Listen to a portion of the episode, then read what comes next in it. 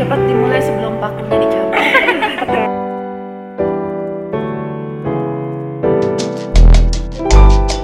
Halo, assalamualaikum warahmatullahi wabarakatuh. Kembali lagi dengan podcast saya yang tidak berfaedah ini. Nah, para pendengar, hari ini saya mengundang lagi nih bintang tamu yang menarik. Eh, mungkin pembicaraan kita kali ini lebih berbobot dibanding biasanya yang omongan kita sungguh sangat tidak berbobot gitu. Oh gitu ya. Iya. Hadir di sini oleh oh ya di sini podcast kita nggak boleh pakai nama asli. Oh, gitu. Ah, Oke, oke. Ini samaran semuanya. Karena, Siap. Ya karena kita ngomongnya di sini nggak jaim, Mhm. eh, nggak ada yang ditutup-tutupin. Oke. Karena podcast kita ini nggak ada orang yang tahu. Yes. Ah, saya nama samaran di sini adalah Miss G. Oh oke. Saya Bella. Oh Bella, oke Mbak Bella hari ini Hmm. mau eh, apa ya Mbak? Kita hari ini membicarakan konten tentang Apa? pergaulan anak muda zaman now. Pergaulan bebas. Wah, dulu pergaulan bebas ya pasti Mbak Ya, Bella. Ya nggak pilihan aja. Mau pilihannya yang mana nih? Pergaulan bebas, pergaulan terlarang, atau Ya, karena kemarin Hmm. eh, podcast kita sebelumnya ini ngebahas tentang eh, pelecehan seksual. Oh. oke, Nah, itu mengedukasi kita semuanya bahwa kita harus berani speak up ketika kita mengalami pelecehan seksual. Iya. Ya, ini mungkin buat kaum hawa ya, bagus banget. Bahkan kemarin di Kupas juga, masalahnya Hmm. ternyata pelecehan seksual tidak hanya dialami oleh perempuan saja, Iya. tapi laki-laki juga mengalami uh, pelecehan seksual. Bahaya kan, Mbak? Bahaya. Nah, kalau Mbak Bella sendiri pernah gak sih mengalami case pelecehan seksual ataupun uh, melihat kejadian tersebut atau punya cerita temen atau apa gitu bolehlah share di Pernah sini. sih. Jadi teman-teman podcast semua Ah. di sini bisa belajar mungkin hal yang positif ya supaya ke depannya tidak terjadi itu lagi. Gimana? Ini sih eh, cerita dari temen lah ya, temen Oke. bukan aku nggak mengalami langsung. Jadi temenku tuh adalah eh, dia dilecehkan oleh keluarganya sendiri, jadi orang terdekat. Dia pernah itu maaf disentuh bagian terlarangnya itu oleh omnya sendiri dan sempat Kurang ajar tuh Om. Iya. sampai Jangan kaget, Bella. maaf ya Ini, perlakuan perlakuannya tuh yang yang seperti suami istri gitulah nah dia tuh nggak mau dia bilang dia nggak mau dia Itu kabur. usia berapa temennya? itu SD Astagfirullah. itu SD kejadiannya Kamu berdosa Eh, banget. dia Om. cerita gitu cuma eh, terus sekarang jadi gimana? Ya, cuma dia nggak pernah lupa dengan kejadian itu. Tapi dia waktu pada saat kejadian dilecehkan itu dia nggak cerita gitu sama orang. nggak berani dia nggak berani.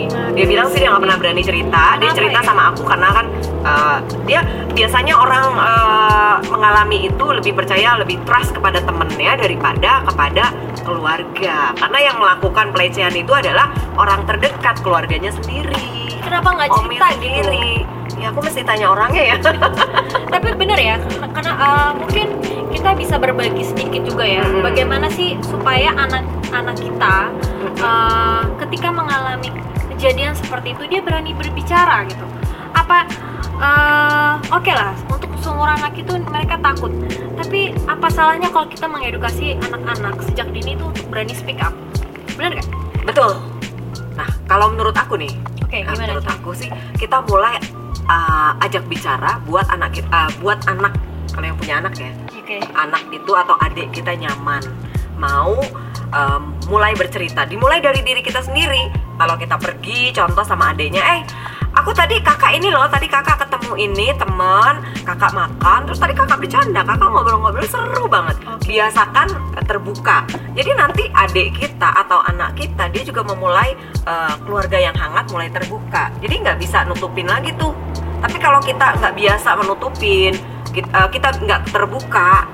Dia akan ngikutin karena kan anak kecil itu peniru yang paling pandai dia Oke. akan meniru apa pun yang dilakukan oleh orang-orang dewasa dan orang tuanya orang-orang terdekat dia jadi kalau yang dia lihat yang kalau yang kita lakukan itu adalah keterbukaan mengajarkan cerita cerita pada hal-hal yang baik tentu ya dia juga akan meniru hal seperti itu Berarti Gitu. kita memang harus menstimulasi sejak dini untuk selalu bercerita ya. ya Oke, kita mulai cerita apa aja.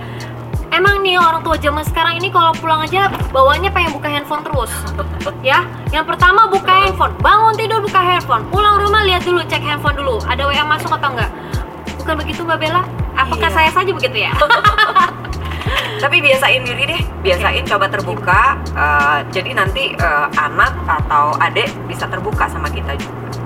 itu kita terbukanya itu dalam hal misalkan kita di kantor ngapain aja gitu ya Iya. Tadi eh, kakak ini loh di kantor. Kakak tadi makan siang pakai ini. Kamu makan siang pakai apa dek? Itu kan ringan gitu sambil entah sambil ngapain gitu, sambil mau ngangkat buku atau apalah. Jadi jangan terlalu fokus. Kamu tadi ngapain dek? Kamu tadi makan apa? Kakak tadi makan ini loh, makan pecel lele loh di kantor. Kayaknya serius ya anak kecil nggak mau.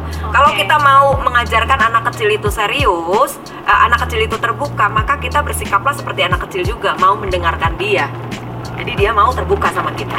Oke, terlepas dari itu semua ya, kita tuh juga nggak bisa memandang sebelah mata Hmm. anak kecil. Oke lah kita stimulus, tapi itu kan balik lagi ya kesalahan pada orang dewasa yang bermasalah seperti itu ya mbak ya. Itu penyakit ya sepertinya. Buat aku sih itu memang penyakit ya seperti itu. Orang-orang yang melakukan pelecehan apalagi terhadap orang yang terdekat ya. Sakit itu, sakit jiwa. Sakit jiwa ya dia ya. Dia perlu ke psikolog dan psikiater. Oke. Karena jika dibiarkan itu akan bertambah parah. Berarti kita eh, harus mengidentifikasi terlebih dahulu ya diri Hmm. kita. Jangan-jangan para pendengar bermasalah juga. Nah itu sebaiknya harus cepat-cepat ke psikolog atau share ke temen boleh gak sih kayak gitu mbak? Eh, hati-hati teman terkadang juga eh, belum tentu bisa memegang kepercayaan itu ya karena tidak ada manusia ada temanku yang mengatakan "Eh, manusia tuh nggak ada yang bisa dipercaya kecuali mayat terus ngapain kamu cerita sama aku gitu ya walaupun pada akhirnya sekarang aku cerita ya tapi aku tidak menyebutkan nama ya anonim ya Iya iya Ah, iya. ah, dirimu tidak tahu ah, pendengar juga nggak tahu siapa yang aku maksud temanku siapa kan oke Nah tapi ini aku jadikan pengalaman benar. jadi benar. aku mengedukasi nanti ke adekku, ke anakku, mengajarkan nanti kamu kalau ada yang menyentuh ini jangan ya kamu cerita ya. Memang kenapa? Enggak itu nggak boleh. Jadi dicontohkan. Jika ada yang menyentuh bagian ini, bagian itu, siapa pun nggak boleh kecuali mamah dan papa. Papa pun tidak boleh kalau perempuan laki-laki. Diperlakukan seperti itulah hingga akhirnya dia mengerti bahwa itu sex education kita ajarkan Oke. juga sedini mungkin bukan untuk eh, apa ya untuk pengetahuan jadi mengantisipasi begitu Mancul. Jadi eh, terlepas dari kesalahan dari orang dewasa, Mm-mm. mungkin kita sebagai orang tua juga harus eh, jaga-jaga juga untuk anak kita dari sedini ini mungkin ya kalau bisa kita juga terbuka ya sama anak kita supaya anak kita juga terbuka apa pun hal kecil apa pun dia jadi bisa sharing ya gitu nah itu balik lagi tuh sama orang dewasa yang ya ada alaknya itu loh yang ngeselin itu loh. Nah itu balik lagi ke situ ya mbak. Ya kalau menurut saya Uh-huh. mungkin yang masih sehat bisa jadi bisa sakit kayak gitu kan mbak? Bisa jadi. Bisa jadi kan? Menular ya. Menular karena mungkin perilaku. apalagi tayangan-tayangan video porno atau apa pun itu di sosial media wah luar biasa kadang-kadang ya mbak. Muarak Di- banget. apa ya filternya itu loh. Iya masih kurang ya? Masih kurang. Dan itu tayangan-tayangan ah ya Kylie Jenner deh. Mhm. pakai bajunya aja begitu-begitu ya kan? Itu kan ibarat kata mengundang gitu. Nah kita kan Undang apa nih? Mengundang mengundang apalah mengundang lah. Nah intinya eh, para pendengar juga tahu lah kalau Mhm. ngeliat konten-konten kayak gitu itu Iya. art- eh, artis-artis mungkin apalagi Dinar Candy tuh mbak Oh. wah. Coba deh ya uh, mulai uh, mungkin. menjaga lah jangan terlalu seperti itu. Jangan sampai mengundang tamu yang tadi undang. Hmm. mendingan kurang-kurangin nonton begituan. Dengerin podcast yes. saya kasih udah berbagi Mbak Bella pada hari ini tentang sex Sama-sama, education ya. sejak dini dan orang yang bermasalah itu. Terima kasih sudah berbagi. Oke. Ditunggu konten podcast Bye. berikutnya. Bye.